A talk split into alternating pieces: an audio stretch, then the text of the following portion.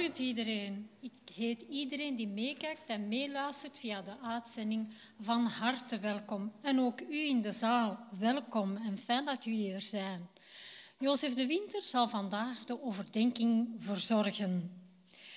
En wij willen u aan doen herinneren dat we als we zingen en als we de schriftlezing aanhoren, dat we zullen rechtstaan. Het is inderdaad heel lang geleden dat we dit hebben uitgevoerd. Het moet terug wat wennen zijn, maar het komt wel goed. Via het nieuws heeft u gehoord dat de coronacijfers helaas blijven stijgen. En de maatregelen zijn als het volgt. Van zodra u binnenkomt, dient u uw mondmasker te dragen tijdens de ganse dienst. U mag zingen en dit met uw mondmasker aan. Wees voorzichtig met fysiek contact en tracht dit te beperken. Handhygiëne blijft van toepassing. En uiteraard respecteer elkaars grenzen en mening. We volgen de situatie natuurlijk op en houden u op de hoogte van zodra de maatregelen worden aangepast. En natuurlijk blijven we herhalen dat als u ziek bent, blijft u thuis. De algemene vergadering van volgende sabbat, 13 november, wordt opgeschort en we brengen u op de hoogte wanneer we deze opnieuw zullen plannen. Zoals u weet, het is november en dan denken we al reeds aan kerst. En dan houden we onze jaarlijkse kerstdozenactie. En alle kerken worden uitgenodigd om hieraan deel te nemen, om zo kinderen die kansarm zijn toch een heel fijn kerstgeschenk te bezorgen. Het inschrijven gebeurt via de website van adra.be. En natuurlijk zult u daar ook informatie vinden en via de mail waar informatie staat via uw krantje. En dan hebben we ook nog leuk nieuws dat op 18 december vanaf 6 uur s avonds kerstmarkt wordt voorzien. En onze jeugdleiding vraagt uw hulp, namelijk om glazen potjes te verzamelen. Potjes van yoghurt of pesto of babyvoeding, zoals deze hier. Deze formaat is goed, niet te groot. En zij willen dit graag versieren, dus breng deze mee naar de kerk. We hebben ook nieuws van onze kerkfamilie. Maria van Nerum wordt volgende week vrijdag geopereerd aan haar schouder. En daags nadien wordt ze 94 jaar. En dat is een zeker gezegende leeftijd. En een kaartje naar haar sturen zal haar zeker plezieren. En laten we ook haar gedenken in onze gebeden. Dan wens ik u allen een hele fijne, gezegende Sabbat en wil ik de eredienst openen met het lezen van een Bijbeltekst. Breng dank aan de Heer, maak bekend wie Hij is en laat de volken weten wat Hij heeft gedaan. Maak muziek voor Hem en zing. Vertel over al Zijn wonderen. Beroem u op de Heilige God. Wees blij volgelingen van de Heer. Zoek steun bij onze machtige Heer en wend je steeds tot Hem. Zullen we samen ons hoofd buigen voor gebed? Ja, lieve Vader in de hemel, u bent machtig en krachtig en u omgeeft ons met uw licht en uw liefde. De liefde die zo bijzonder is. En soms kunnen we dat niet goed beschrijven met onze woorden, maar het is inderdaad wonderlijk wat u voor ons doet en om ons geeft. Vader, op deze Sabbat willen wij u uitnodigen als eregas. Wees in ons midden en geef ons de kracht die we nodig hebben. Willen ook vragen dat u de woorden van Jozef wilt zegenen, dat zijn woorden ons mogen inspireren en verrijken en vooral de band met u nog hechter maken. Want Vader, wij willen op u vertrouwen en bouwen.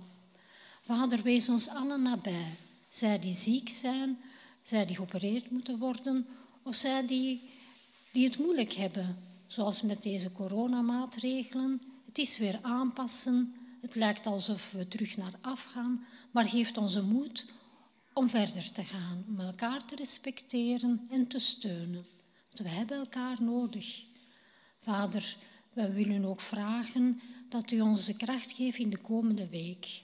Dat we gesterkt mogen zijn en daardoor ook anderen kunnen sterken. En laten we elke dag tijd maken voor u, om te lezen in uw woord, om te praten met u, om met anderen ook over u te spreken. Vader, willen ook bijzonder vragen dat wij de gaven die straks worden verzameld, dat u ze wilt zegenen, dat ze ten goede mogen komen in uw werk. En dit alles vragen we in Jezus' naam. Amen.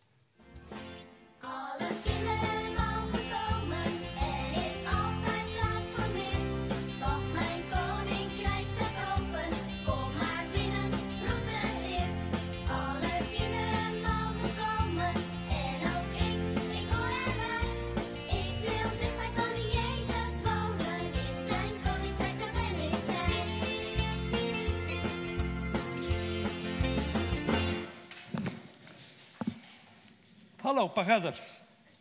Dat is lang geleden dat wij hier nog samen gezeten hebben. Hè? Herinnert u het nog? Het is bijna twee jaar. Twee jaar, twaalf maanden. Twee keren 52 weken. Zo lang is het.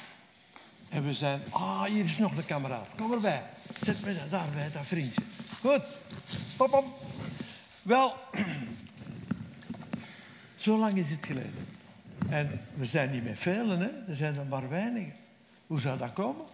Al die anderen die zitten te kijken naar ons, thuis op de bank, zoals jullie ook veel weken gedaan hebben. En we gaan die straks uitnodigen om volgende week ook naar hier te komen. Goed? Klaar. Wel, wij gaan vandaag een verhaal vertellen van Er was eens. Heel veel verhalen die starten met die woorden. Er was eens. Dat is alsof het heel, heel lang geleden is. En dan is het de vraag die wij stellen, is het echt gebeurd of is het niet echt gebeurd? Maar de verhalen uit dat grote vertelboek, herinnert u nog? Die grote, dikke boek. Die, die zijn allemaal echt gebeurd.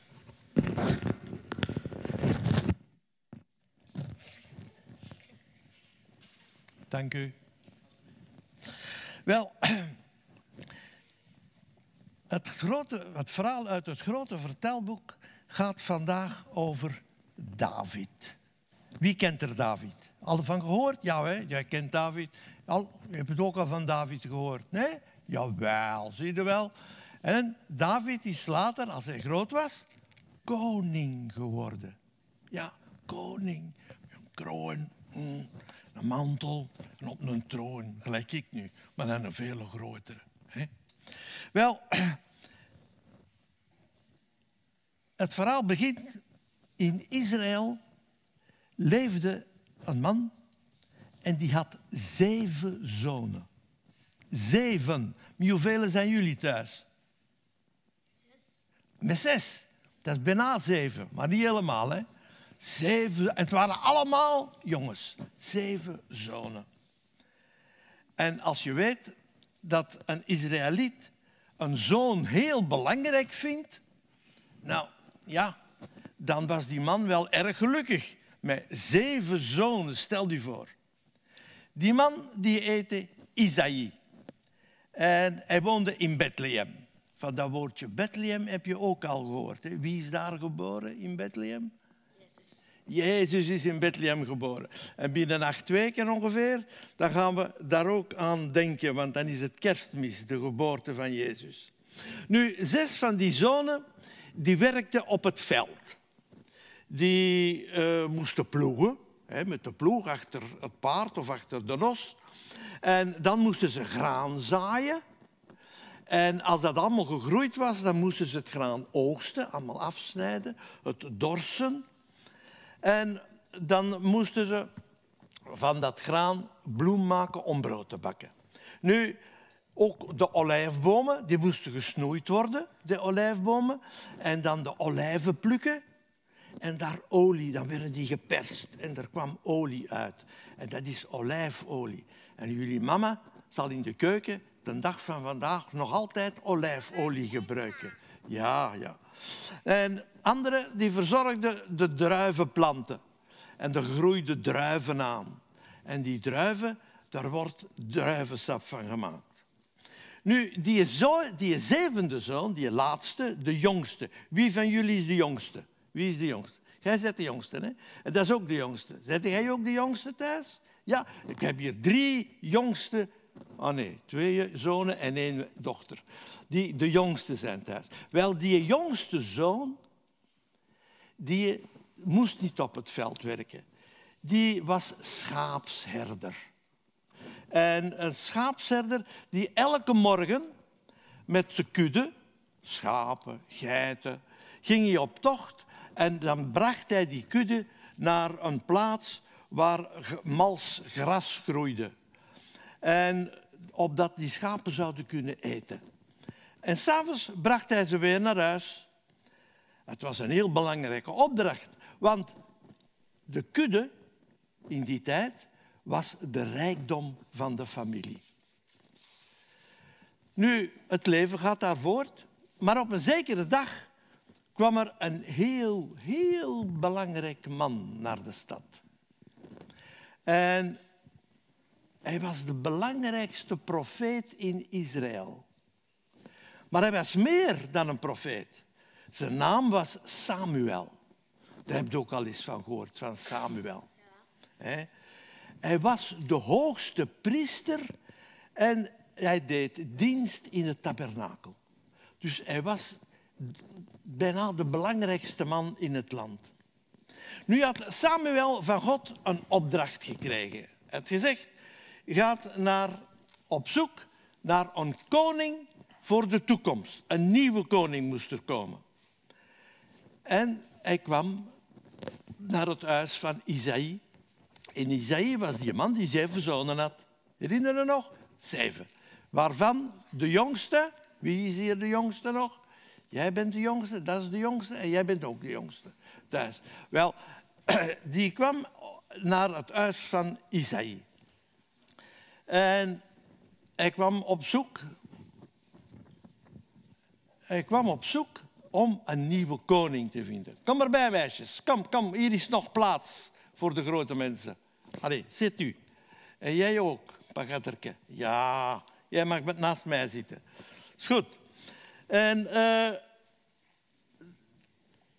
en, uh, en Isaïe die nodigde die belangrijke man Samuel uit op een heel groot eetmaal. Een feestmaal met allemaal lekkere dingen. En als het feestmaal zo aan ten einde liep, dan riep Isaïe al zijn zonen. De eerste, dat was Anidabab. En dat was de oudste. En die kwam en Samuel bekeek hem en zegt, nee, dat is hem niet. En nu kwam de tweede. Dat was hem ook niet. En zo kwamen die zes zonen die kwamen voorbij aan Samuel. En Samuel, waar was hij op zoek? Naar waar was hij op zoek? Een koning voor de toekomst. Maar geen van die zes kwam in aanmerking. Ja, zegt Samuel. Uh, heb jij nog zonen? Ja, ja, ja, zegt hij. Maar dat is een kleine. En die is op het veld en die is maar schaapserder. Die is, niet zo belangrijk. Dat is de jongste. En, en Samuel zegt, gaat eens halen. Ik wil die ook zien. En een van zijn broers ging op stap om eh, David te zoeken met de kudde die er was. En hij bracht David mee naar huis. En hij kwam daar binnen in zijn eenvoudige kleding van, uh, van een schaapzerder. En nog helemaal onder stof van heel de dag in, eh, in, in het veld te zijn geweest. En hij kwam voorbij aan Samuel en hij stond daar zo beteuterd bij. En God zegt tegen Samuel, dat is hem. Dat was hem, die jongste. Die jongste. Die jongste. Jij bent ook de jongste, hè, thuis. jij bent de jongste thuis, hè. Zie je wel? Ja. Je zegt wel niks, maar ik zie het aan uw ogen. Wel, zegt God tot Samuel, sta op en zalf die kleine jongen tot koning, tot toekomstige koning van Israël. En hij pakte een horen, zo'n horen, en die was gevuld met olie. En deed die olie over zijn hoofd. En uh, het was alsof dat hem shampoo op zijn hoofd deed. Wiens haar is de laatste dagen gewassen? Dat doe je dan met shampoo. En dan wrijf je dat erin. Hè? En dat is heel aangenaam, maakt alles zacht. Wel, die olie ook. En David werd gezalfd, een teken dat hij apart gesteld werd om toekomstig koning te worden van Israël. En na die maaltijd en na die eh, gebeurtenis gaat Samuel naar huis en David gaat terug naar de kudde schapen.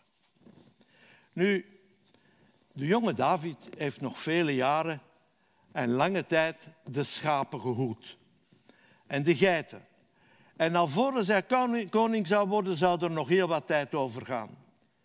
Hij bracht de, jong, de kudde elke morgen weer naar het gras en de groene weide. En hij moest hen dikwijls verdedigen tegen de wilde dieren. Want die waren in Israël waren er wilde dieren. Zoals er nu in België terug wilde dieren rondlopen. Al van gehoord? Van de wolven? Heb je dat gehoord van de wolven? Die de schapen pakken? Hè? Wel, dat was in de tijd in Israël ook. Wolven en, en beren en, en, en, en leeuwen die daar weer... En hij moest zijn kudde bewaren en verdedigen tegen al die wilde dieren. En zo was hij heel behendig met de slinger. Zo. En dan kon hij een steen heel goed mikken naar die dieren en dan gingen die lopen. En als hij wat groter was, dan heeft hij met zo'n ene steen en ene keer gooien, wat heeft hij gedaan? Heel speciaal. Een ruis omvergeblazen. Met die steen. Pam! En zo nauwkeurig kon hij, uh, kon hij mikken met die steen. En zo verdreef hij de wilde dieren. Met die slinger. En in de avond, dan bracht hij die dieren langs de weg, langs het pad, bracht hij terug naar de stal om de nacht door te brengen. Als hij later koning is, en dus groot geworden, dan schrijft hij een heel mooi gedicht over de tijd dat hij schaapsherder was. En dat grote gedicht dat staat in het grote vertelboek. Hoe dik is die, die, die groot vertelboek? Zo dik, zo dik. Zo dik is het. Weet nog iemand dat? Ja, zo dik. En ja, je vindt dat op de bladzijde van Psalm 23. Dat is een heel bijzonder psalm, een heel bijzonder gedicht. En dat gaat zo. De Heere is mijn herder, mij ontbreekt niets. Hij doet mij neerliggen in grazige weiden en hij voert mij aan rustige wateren. Weiden met fris gras en water, fris water om te drinken, voor, niet alleen voor hem, maar voor al die schapen. En zoals hij als jongeman de schapen hoede en op zoek ging naar mals gras en fris kabbelend water, zo voelde hij ook dat God hem leidde. En schrijft dan, de Heere is mijn herder. En dan gaat het verder, hij verkwikt mijn ziel en leidt mij in de rechte sporen. Om zijn naams wil. Soms moest hij langs moeilijk begaanbare paden en over rotsen klauteren, op zoek naar dat ene lammetje dat verloren was gelopen. En gebeurde dat in het donker, dan moest hij verder gaan op zijn gehoor en in het donker zoeken. En toen hij tussen die twee rotsblokken liep, was hij bevreesd. En toen schreef hij in zijn gedicht Zelfs al ga ik door een dal van diepe duisternis, ik vrees geen kwaad, want gij zijt bij mij. Uw stok en uw staf, die vertroosten mij. Mooi, hè? Mooi gezegd. En dan die staf, dat was een herderstaf. Een herder had een staf. En die was niet enkel voor op te steunen, gelijk dat oude mensen doen, maar hij werd ook gebruikt om de wilde dieren op afstand te houden. En om de kudde samen te houden.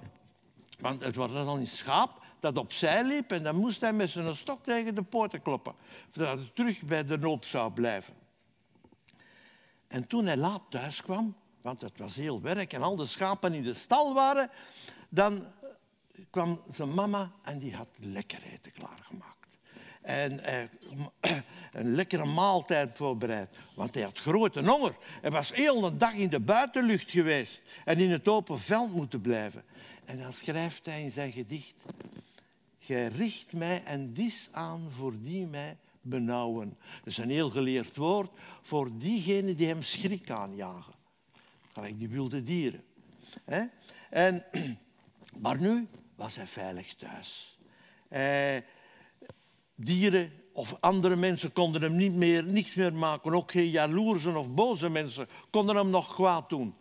Want hij was veilig thuis. Hij voelde zich veilig geborgen. Zoals kinderen die s'avonds door mama en papa in hun bedje worden gelegd. Gebeurt dat nog vandaag? Dat jullie door mama en papa in bed worden gelegd en ondergedekt en dan sowieso voor je bolken ruisen. Hè? wrijven ze, oh oh. En dan ben je rustig, lekker warm en dan val je in slaap. Hij herinnert zich dan het moment in zijn jonge leven toen hij gezalfd werd door Samuel. Een volle beker met zachte olie. Dat herinnerde hij zich. En hij schrijft in zijn gedicht, hij zalft mijn hoofd met olie, zijn beker vloeit over. Want die was helemaal vol geweest, die beker. Hij voelde zich op dat ogenblik reeds een toekomstige koning. Veilig en geborgen in zijn paleis, alsof het alle dagen pijs en vrede zou zijn. En dan gaat het gedicht verder. Ja, heil en goedertierenheid zullen mij volgen al de dagen van mijn leven. En ik zal in het huis des Heren verblijven in lengte van dagen. Hij weet dat zijn God een bijzondere plaats voor hem bereid heeft. een koninklijk paleis. Maar nog veel beter dan dat, in het huis des Heren. Het huis des Heren, waar God woonde, was toen ook de tabernakel. Later zullen jullie leren hoe dat, dat juist in elkaar zit. Maar hij dacht ook aan een plaats in de hemel, om daar te wonen tot in lengte van dagen.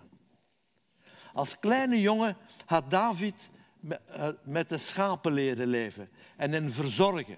En toen hij koning werd, dan was hij die tijd zeker niet vergeten. Niet alleen zijn ervaringen waren voor hem nuttig als koning, maar hij past die ervaringen ook toe op God en de mensen. En zo, op die manier, weten we dat God voor ons zorgt. En dan wat weten we nog meer? Want wie sprak over de kinderen? Wie sprak over de kinderen? Laat de kinderen tot mij komen en verhindert hen niet. Weet, weet, u wie dat, dat is? Wie zei dat? Kom, jij weet het. Jij weet het. Jezus? Ja, zie Jezus heeft dat gezegd. En zo zien we dat de leerschool van het jonge, jullie leerschool, vandaag nuttig is als u groot bent en beseft dat God voor u zorgt. Jullie hebben nog wat te goed voor mij.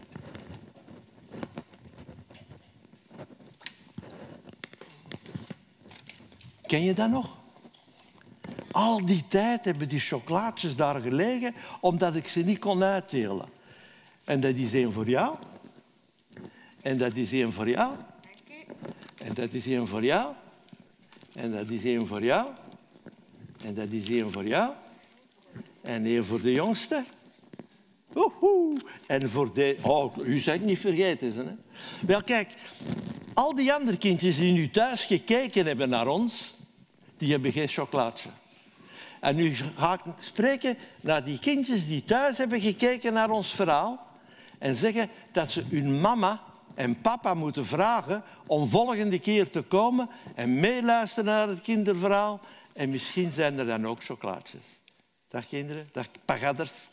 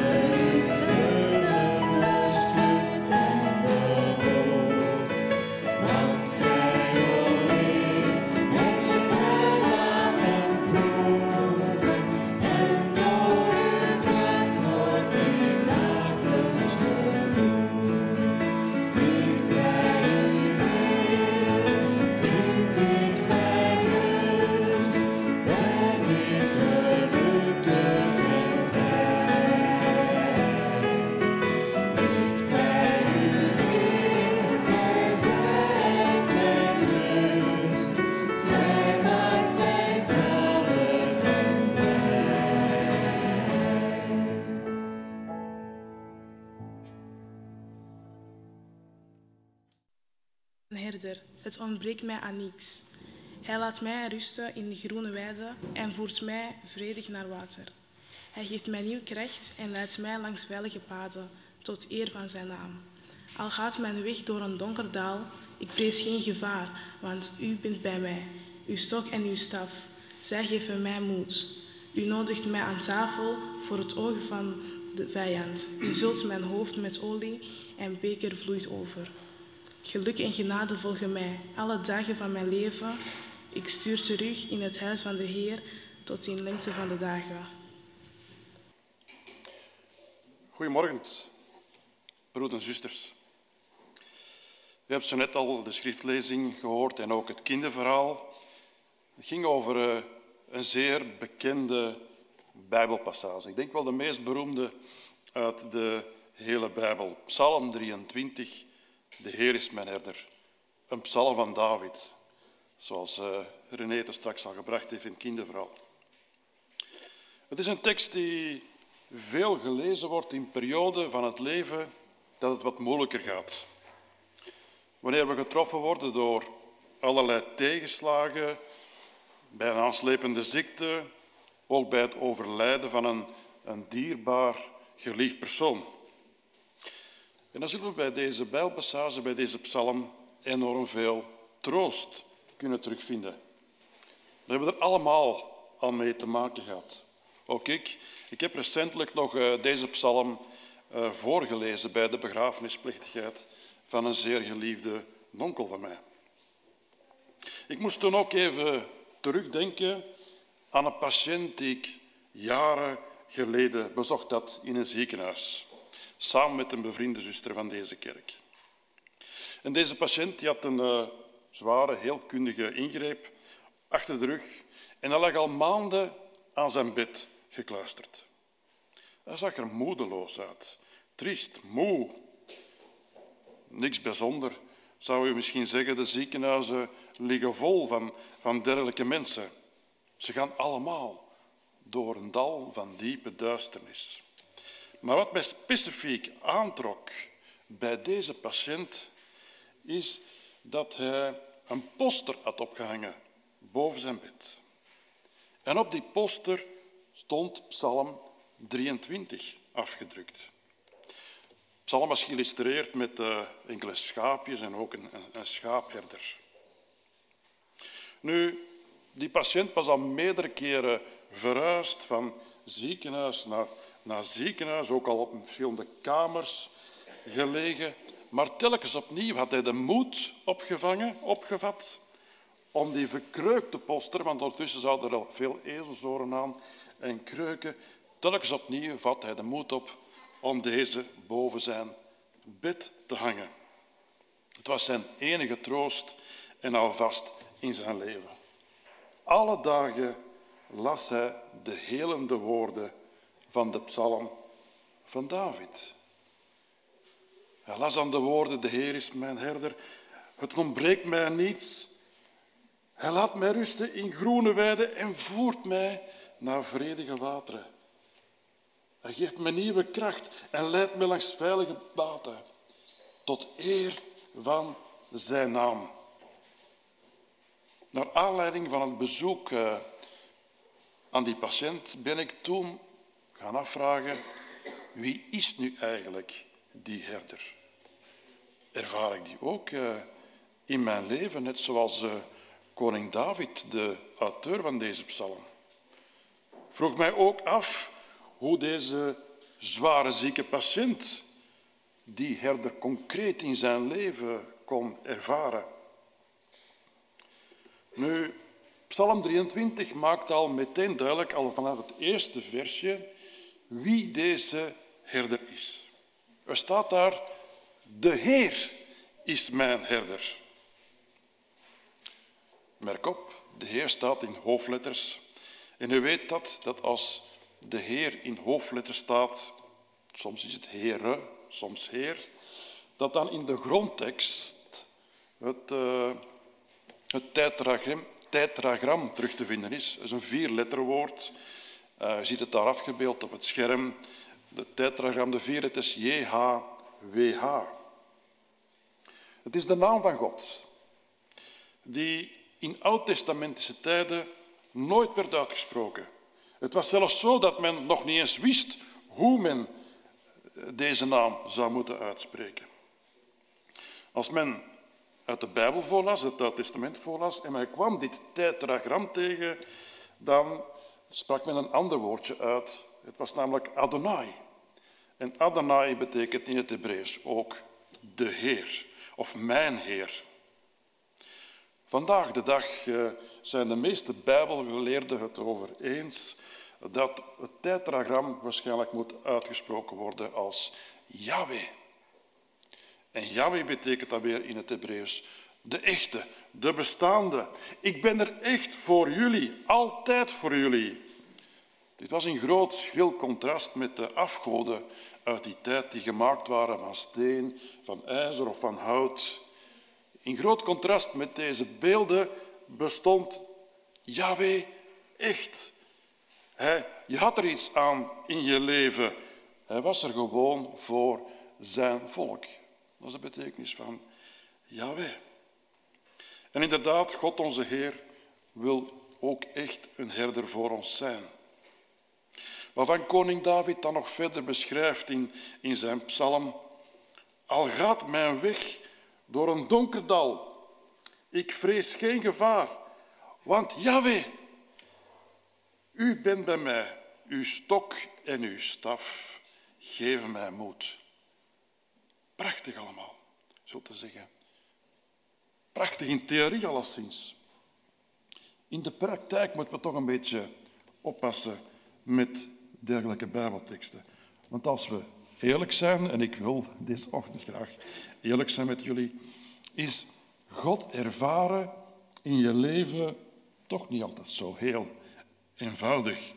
Integendeel, God wordt meestal ervaren als een wezen dat heel veraf lijkt. Hij lijkt heel ver weg in de hemel te zitten op zijn almachtige troon, zoals dat beschreven is in het boek Openbaringen. De ervaring die David meemaakte, is eerder uitzonderlijk te noemen. Hij had een enorm goede relatie met Yahweh, zodanig goed zelfs dat God over hem getuigde. In David, de zoon van Isaïe, heb ik een man naar mijn hart gevonden, die geheel naar mijn wil zal handelen. Wauw, wat een status had eh, David weten te bereiken. Het leven van David was dan ook op enkele dieptepunten na. Het was niet altijd roze geur en maneschijn. Maar zijn leven was toch meestal helemaal ingericht op God en zijn wil. En hierdoor kon God hem persoonlijk als een man naar zijn hart noemen. Ja, ik vind dat heel prachtig. Velen zullen dit misschien aanvoelen als het perfecte rolmodel waarnaar we graag streven, leven als koning David. Maar tegelijkertijd lijkt het ook wel iets onbereikbaar te zijn. Zeker het feit dat we de naam van God, Adonai, zelfs niet mochten uitspreken, maakt er niet gemakkelijker op om een persoonlijke vertrouwensrelatie met hem op te bouwen. Het viel me dan ook op dat die patiënt die ik bezocht had, er ook niet echt heel gelukkig uitzag. Hij zag er toch maar eerder triest en uh, moedeloos uit. Hij straalde niet echt het fantastische gevoel uit dat wordt weergegeven in het laatste vers van uh, Psalm 23. Geluk en genade volgen mij alle dagen van mijn leven. Ik keer terug in het huis van de Heer tot in lengte van dagen. Ja, die patiënt straalde helemaal niet uit wat we net gelezen hebben.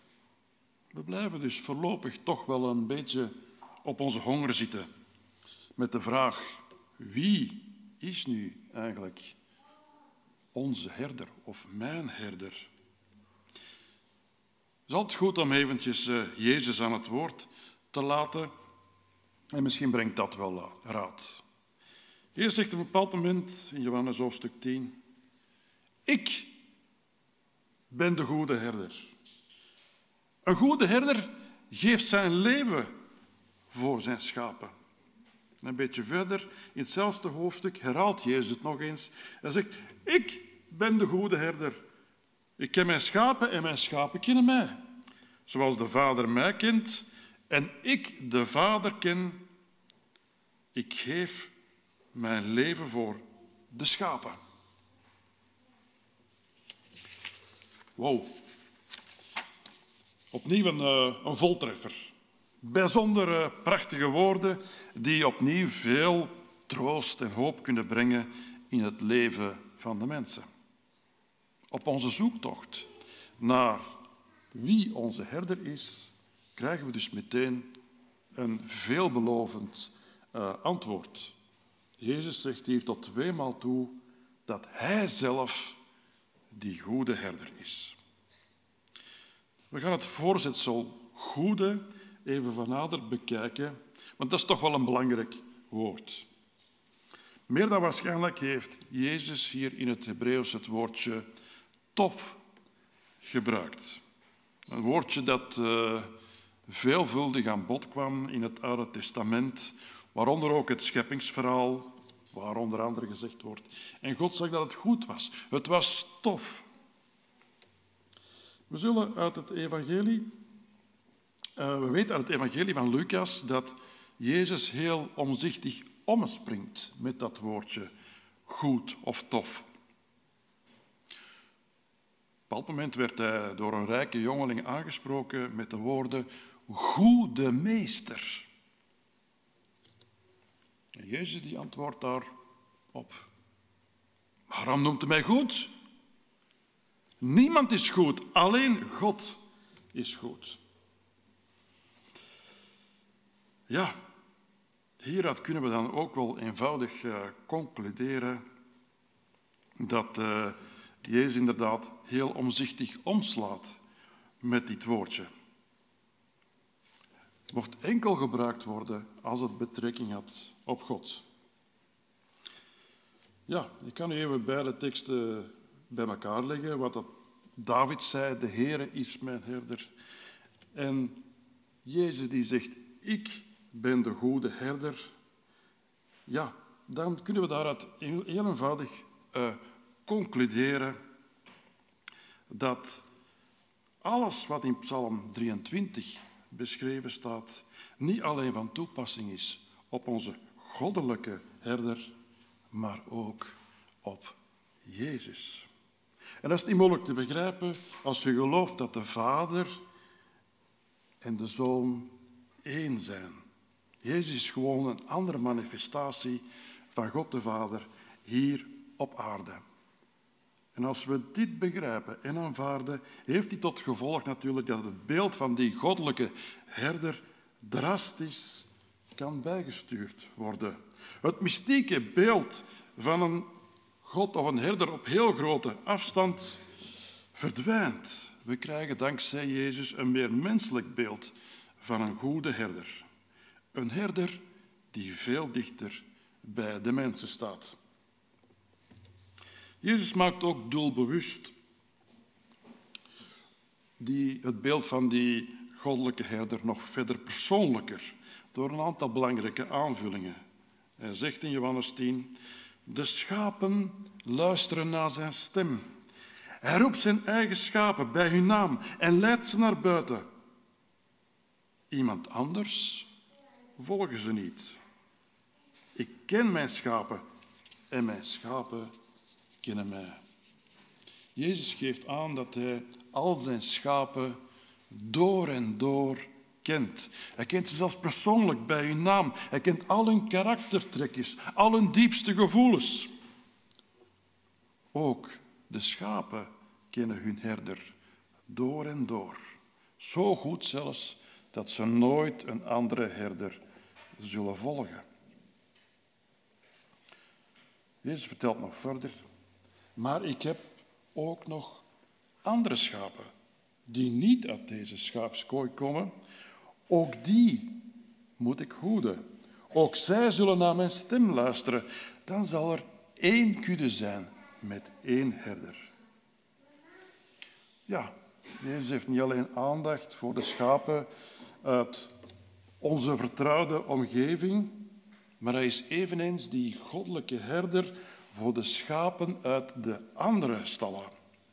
En die andere stallen in de tijd van Jezus, dat ging dan eerder over de niet-Joodse volkeren, de heidenen. De heidenen, dat waren de Grieken en de Romeinen.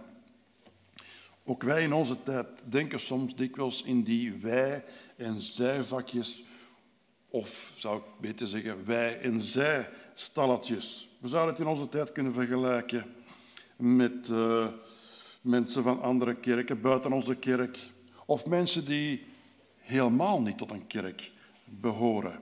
En we komen daar straks nog heel even op terug. Een belangrijke aanvulling die zeker niet mag ontbreken over de goede herder, is dat Jezus meerdere keren over zichzelf zegt: Ik geef mijn leven voor de schapen. Het beeld van de goddelijke herder, herder wordt inderdaad nog verder aangevuld met dit gegeven dat hij zijn leven geeft voor zijn schapen. Dat hij zich volledig inzet en zelfs bereid is om dat leven op het spel te zetten. Iets wat natuurlijk Jezus daadwerkelijk voor ons allemaal gedaan heeft. Nu, het is allemaal prachtig. Toch blijven we nog met een uh, belangrijke vraag zitten. Jezus was inderdaad die menselijke manifestatie van die goddelijke herder hier op aarde. Maar waar is onze herder nu dan? Waar is Jezus nu dan? We weten dat Jezus gestorven is en na drie dagen is hij gelukkig weer opgestaan uit het graf. Maar een korte tijd nadien is hij opgevaren naar de hemel. De hemel opnieuw een plaats die voor, voor de meeste mensen van ons als iets heel ver weg beschouwd wordt. Hoe kan Jezus vanuit die positie nog steeds die rol van de goede herder voor ons spelen? Ja, dit is toch wel voor de meeste mensen redelijk uh, moeilijk te vatten. We blijven dus inderdaad zitten met die vraag: wie kan er nu echt de goede herder zijn in ons leven? Gelukkig heeft Jezus zijn voorzorgsmaatregelen getroffen. Hij wist dat hij ons zou moeten verlaten, om terug te keren naar de Vader en dat hij een hele lange periode van ons zou gescheiden zijn, totdat hij opnieuw zou wederkomen. Kijk we trouwens allemaal heel erg naar uit, want dan zal hij definitief bij ons kunnen blijven. Maar voor die tussenperiode heeft hij voor een passende oplossing gezorgd. Hij heeft namelijk zijn verantwoordelijkheid als goede herder doorgegeven aan zijn apostelen. In het laatste hoofdstuk van het evangelie van Johannes kunnen we lezen dat bepaald moment Petrus, samen met nog enkele andere apostelen, opnieuw was gaan vissen in het meer van Tiberias. Oké? Nu, het meer van Tiberias, dat is de Grieks-Romeinse benaming van het meer van Galilea, zoals die door de Joden werd genoemd. Nu, de verwijzing naar het Grieks-Romeinse Rijk blijkt niet toevallig gekozen te zijn uh, in, dit, uh, in dit verhaal. Nu, de hele nacht waren ze bezig geweest, je kunt het zien op het plaatje, maar ze hadden nog niks kunnen vangen. En in de ochtend verschijnt Jezus aan de oever van het meer. En dankzij enkele heel specifieke, precieze aanwijzingen van Jezus waren ze in staat, in staat om alsnog een grote visvangst binnen te halen. Er staat beschreven dat het 153 vissen waren. er bestaan heel veel theorieën over die 153 uh, vissoorten, waarom dat precies zo exact uh, vermeld zou staan.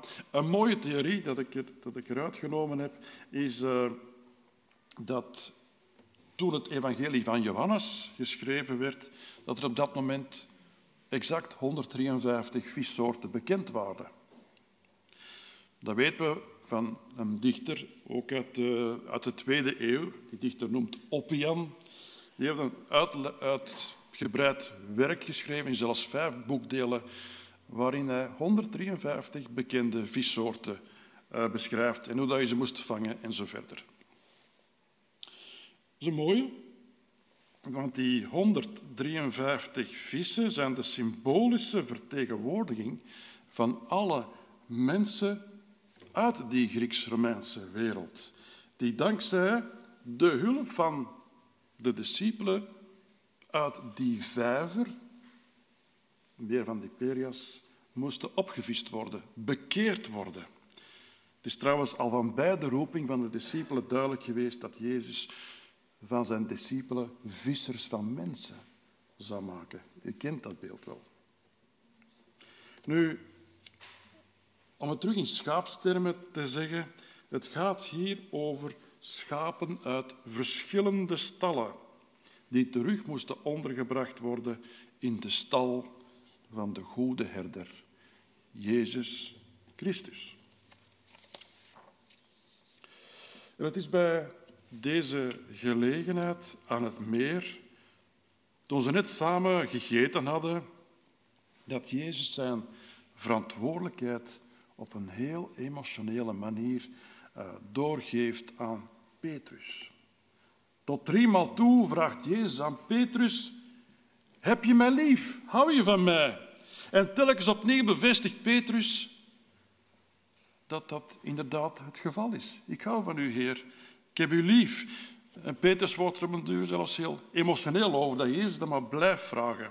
En telkens als hij bevestigt dat hij Jezus lief heeft, geeft Jezus hem de opdracht om een schaapsherder te zijn van zijn schapen.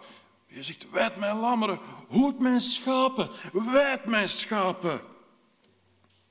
Ja, het is duidelijk. Petrus moet een herder zijn. Niet enkel voor de schapen uit de vertrouwde stal van, van, het, uh, van, van, van Israël, van zijn eigen volk, maar uiteraard ook van de schapen uit de vele andere stallen van de volkeren over de ganse wereld. Er is maar één voorwaarde aan verbonden, een belangrijke, en dat is natuurlijk dat hij over die goddelijke liefde moest beschikken voor de herder Jezus. We weten uit het boek eh, Handelingen en ook uit allerhande historische geschriften, waaronder het getuigenis van andere kerkvaders, dat Petrus inderdaad een groot kerkleider geworden is. Hij was een herder voor alle christenen van de toenmalig bekende Grieks-Romeinse wereld. En hij had inderdaad de rol en de bijzondere verantwoordelijkheid om de eenheid onder de christenen te bewaren. Graag wil ik toch nog even terugkomen op de vraag die ons nog steeds voortdurend bezighoudt. Wie is nu mijn herder? De vraag blijft eigenlijk nog altijd open. Want uiteraard, de apostelen die kunnen onmogelijk vandaag de dag nog onze herder zijn. Ze zijn er niet meer. Ook Petrus is al meer dan twee millennia, 2000 jaar ongeveer, uh, gestorven. Zitten wij dan al die tijd zonder herder? Gelukkig niet. Ook Petrus heeft op zijn beurt zijn verantwoordelijkheid doorgegeven. Deze keer niet naar één specifieke uh, opvolger, maar wel naar een groep van mensen die over de eeuwen heen, over die 2000 jaar heen, de schapen van de Heer Jezus geleid hebben in de verschillende stallen die er waren. Het gaat over de presbyteros, de oudste van de gemeente. Presbyteros is gewoon de Griekse benaming daarvan. Het gaat eigenlijk over alle mensen die een leidinggevende functie hebben binnen de kerk, binnen de gemeenten. Predikanten, ouderlingen, leraren, leraressen, diakenen, diakonessen, kindersabbatschool, uh, lesgevers. Petrus doet een beroep op deze kerkleiders. Hij zegt, ik doe een beroep op de oudsten, de presbyteros onder u, onder de meesten onder ons.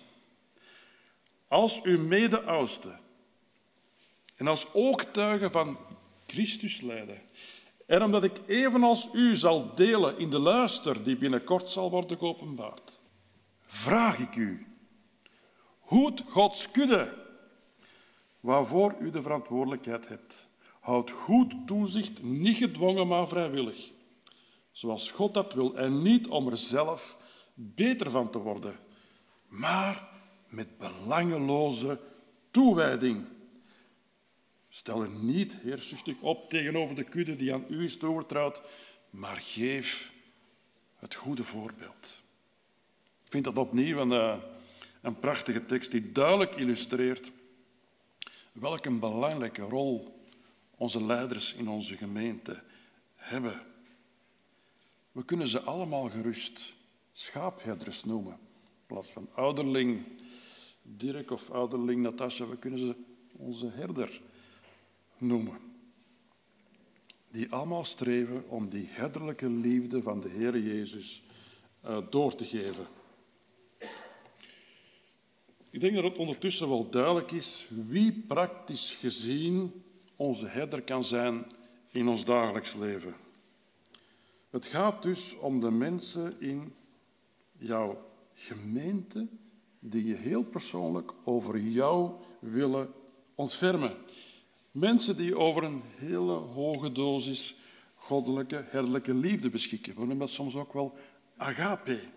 Zich belangeloos voor jou willen inzetten en de goede richting willen geven, aangeven die jij moet volgen. Een weg willen banen in jouw leven. Ze zijn niet met zichzelf bezig, maar staan in dienst van de hemelse goede herder, de Heer Jezus. Te eindigen zou ik uh, graag uh, de vraag die we ons al heel de tijd stellen, wie is mijn herder, uh, willen omdraaien. Want eigenlijk op die vraag hebben we nu wel een antwoord gevonden. Wie is momenteel onze herder? De nieuwe vraag die ik aan ieder van u wil stellen is, voor wie kan ik een herder zijn? En deze vraag is wel een pak moeilijker te beantwoorden, omdat er plotseling een engagement wordt gevraagd van jou. Net als voor die presbyteros, de ouderlingen, kan je dit enkel doen als je over voldoende herderlijke liefde beschikt. Het gaat dan niet enkel over liefde voor mensen die je heel goed kent, maar ook liefde voor mensen die vreemd zijn voor ons. Mensen van andere culturen, mensen met, met andere gewoontes, buitenbeentjes. Mensen die aan de rand van onze maatschappij leven. Ze worden ook wel marginalen genoemd. Ja, als je deze opdracht dan ter harte neemt, kan je Psalm 23 gebruiken voor nog een ander doel. In plaats dat het een beschrijving is van van alles waar je eventueel recht op hebt, wat je kan verwachten van, van de goede herder, van de goddelijke herder, kan je Psalm 23 dan ook zien als een handleiding om niet passief, maar actief iets te gaan doen. Het is een handleiding van hoe je moet gedragen, hoe dat je moet bezig zijn als je zelf schapen moet weiden en zelf een herder bent voor mensen. Als je eenmaal dat engagement genomen hebt om een herder te zijn van iemand in jouw buurt, dan kan Psalm 23 ook als volgt klinken. Ik heb een alternatieve versie gemaakt hier. Psalm 23 kan klinken: Ik wil een herder voor je zijn. Het zal je aan niks ontbreken. Ik zal je rust en vrede geven en ik laat je op krachten komen. En ik zal je op het rechte pad brengen. We zullen samen God eren. Al ga je door een donker dal, al heb je het verschrikkelijk moeilijk, in je leven, dan hoef je niks te vrezen, want ik zal bij je zijn. Ik zal je met alle mogelijke middelen weer moed geven. Je mag meegenieten van mijn overvloed. En je hoeft je echt niet meer te schamen voor al die je uitlachen en de spotters. Je zult opnieuw gelukkig zijn in het leven. Wees welkom in het koninkrijk van God. Dat zou een beetje de boodschap kunnen zijn in ons herderlijke rol aan de mensen rondom ons die we graag willen leiden. Misschien vraagt u zich wel af, hoe is het uh, verder afgelopen met die patiënt waarover ik in het begin van de preek, uh, prediking gesproken heb? Die trieste, moedeloze man met die poster van Psalm 23 uh, eh, boven zijn bed. We hebben die man toen verschillende keren, verschillende keren gaan bezoeken. Een paar keer in het ziekenhuis, ook bij hem thuis. En we heel veel bemoedigende gesprekken gehad. En ook veel geluisterd naar zijn verhaal. We hebben vooral laten voelen dat hij als christen, want dat was hij duidelijk, niet alleen was op deze wereld. Hij leek wel zo'n verloren schaap dat op zoek was naar, naar, naar een herder. Hij was op zoek naar een stal voor, met geborgenheid. En dat hebben we die man toen ook kunnen aanbieden. Door onze aanwezigheid had deze man een ware metamorfose ondergaan. Hij begon weer te glimlachen en hij was telkens geweldig blij als we weer aanbelden. Ik ben ervan overtuigd dat iedereen die zich engageert als een herder over iemand anders, ja, dat hij ook hetzelfde meemaakt.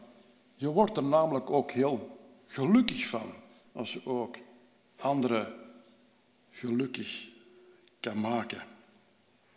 En ik hoop dat iedereen uiteraard deze boodschap eh, goed begrepen heeft en zichzelf voortdurend afvraagt, voor wie kan ik een herder zijn? En als je eenmaal een herder bent voor anderen en ten dienste staat van de allerhoogste goede herder, dan is alles wat Petrus schrijft in de volgende tekst ook voor jou van toepassing. Hij zegt nog in 1 Petrus hoofdstuk 5 vers 4. Dan zult u wanneer de hoogste herder verschijnt, de krans van de luister ontvangen die nooit verwelkt. Amen. Nu een uh, nieuw lied. Een nieuw lied voor jullie. Dat gaat natuurlijk over de goede herder. Nu, we gaan het even voorzingen. We gaan starten met het eerste versje en het refrein. En voor de dames en de heren zit er een klein beetje een ander stukje in. Dus dat is de reden dat we dat even samen doen. Ik hoop dat de techniek ook de micro's van de zaal opzet, dat de mensen thuis kunnen horen dat iedereen meedoet.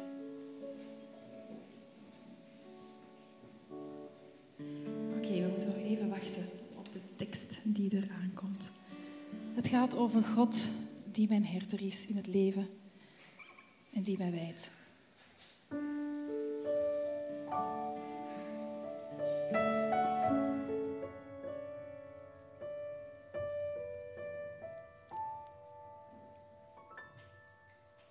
Dus we gaan starten met het eerste vers en aansluitend één refrein met enkel de mannen.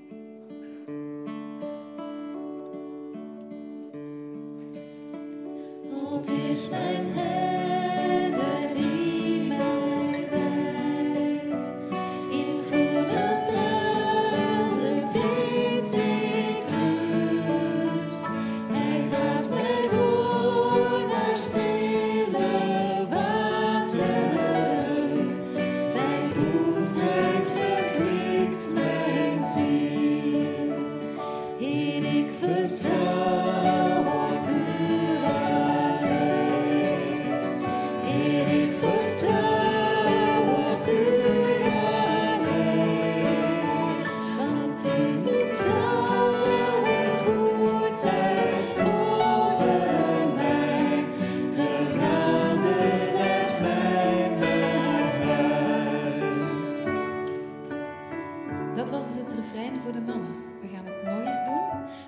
weer met hetzelfde vers.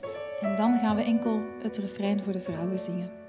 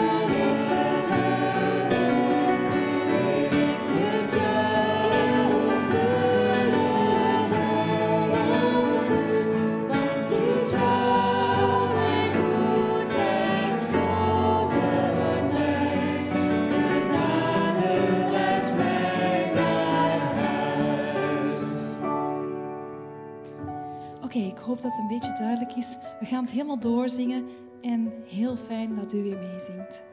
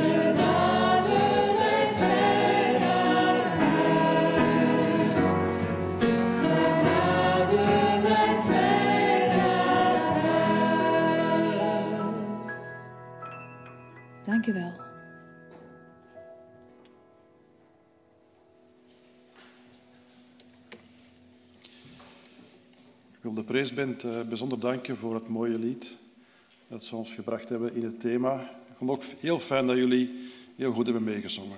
Het geeft alleszins een bijzonder warm gevoel. Laten we samen even de hoofden buigen.